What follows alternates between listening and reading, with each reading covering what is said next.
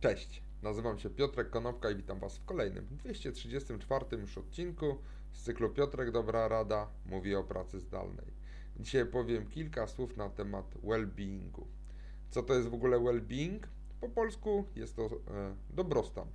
I ten nasz dobrostan może cierpieć w, na kilku e, obszarach, na kilku płaszczyznach, właśnie w związku z pracą zdalną.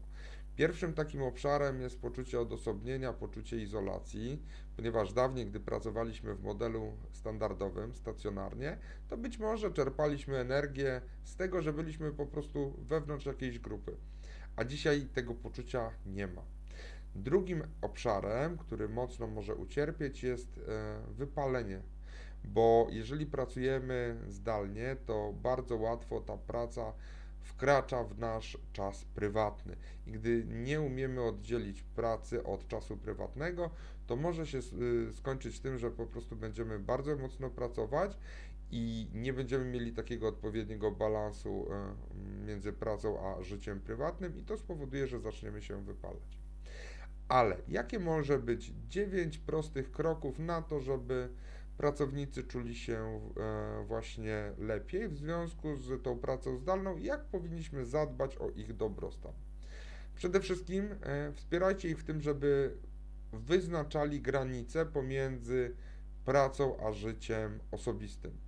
W moim wypadku, tak jak y, powtarzam bardzo często, założenie krawata, założenie koszuli powoduje mentalne przyjście do pracy, a wychodzę z tej pracy, zdejmuję krawat, zdejmuję koszulę i przesiadam się z biurka, przy którym pracuję, na wygodny fotel czy na wygodną kanapę. Po drugie, powinniście e, mieć regularne spotkania jeden na jeden z pracownikami i powinniście naprawdę ich słuchać, ponieważ gdy nie ma tej interakcji na co dzień interpersonalnej, niezwiązanej z e, czasami z życiem biznesowym, to ludziom bardzo łatwo to e, życie prywatne przecieka między palcami i powinniście spotykać się z nimi, rozmawiać na tematy biznesowe, ale też uważnie słuchać i wyłapywać wszystkie rzeczy, które spowodują właśnie pokój. Po trzecie, dawajcie dobry przykład, czyli jeżeli wy mówicie, mamy oddzielać życie zawodowe od życia prywatnego, to nie wysyłajcie im maili po godzinach. Po czwarte, e, umożliwcie pracownikom korzystanie z mm, programów konsjerżowych, e, bo być może warto raz na jakiś czas zaprosić e, jakiegoś terapeutę, coacha, psychologa, psychiatrę do porozmawiania z tymi ludźmi. Być może skorzystać z usług y, takich, które pomogą tym pracownikom w codziennym życiu, e, takich jak na przykład dostarcza Ask Henry, który prowadzi mój kolega Marcin Pietras i być może takie wsparcie w tych codziennych czynnościach też pracownicy docenią. Po piąte, pilnujcie tego, żeby pracownicy robili przerwy. Ta technika pomidora, o której też często mówię, czyli pół godziny pracy, 5 minut przerwy, kolejne pół godziny pracy, 5 minut przerwy i żeby to nie była przerwa związana z tym, że cały czas siedzimy przy komputerze, ale żeby te 5 minut wykorzystać chociażby na przejście się do drugiego pokoju, pogłaskanie waszego ulubionego zwierzaka, czy nawet y, naciśnięcie na przykład guzika uruchamiającego pralkę. Po szóste, ustawiajcie takie cele dla swoich pracowników, które są realne. Ponieważ jeżeli zaczniecie e, w pracy zdalnej ustawiać bardzo nierealistyczne cele i pracownicy nie będą widzieli możliwości w ogóle zrealizowania kiedykolwiek, w jakikolwiek sposób tego celu, to spowoduje, że ich dobrostan na pewno ulegnie pogorszeniu.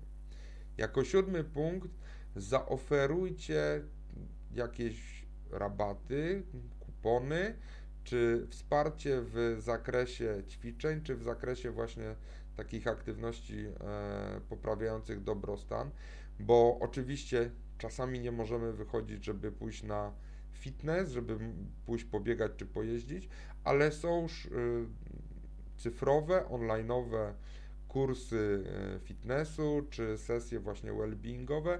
Dajcie pracownikom zamiast owocowych czwartków, dajcie właśnie możliwość skorzystania z tego typu usług.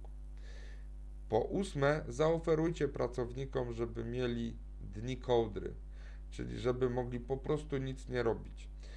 e, bo czasami jest tak, że koncepcja wyjścia na urlop jest dla pracownika bardzo odległą koncepcją, bo boją się utraty pracy, boją się tego, że jeżeli nie będą pracować, a na dodatek wy ich nie widzicie, to wy ich zwolnicie.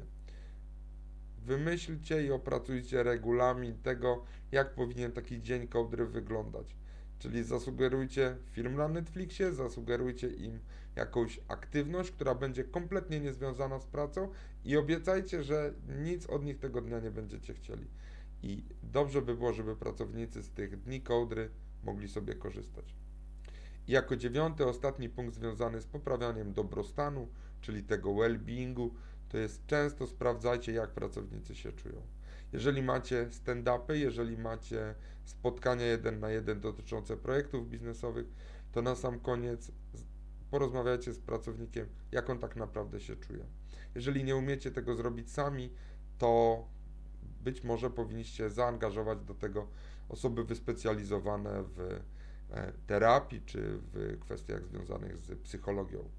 Także to było 9 kroków i 9 e, reguł, które pozwolą Waszym pracownikom zachować lepszy dobrostan związany z ich samopoczuciem.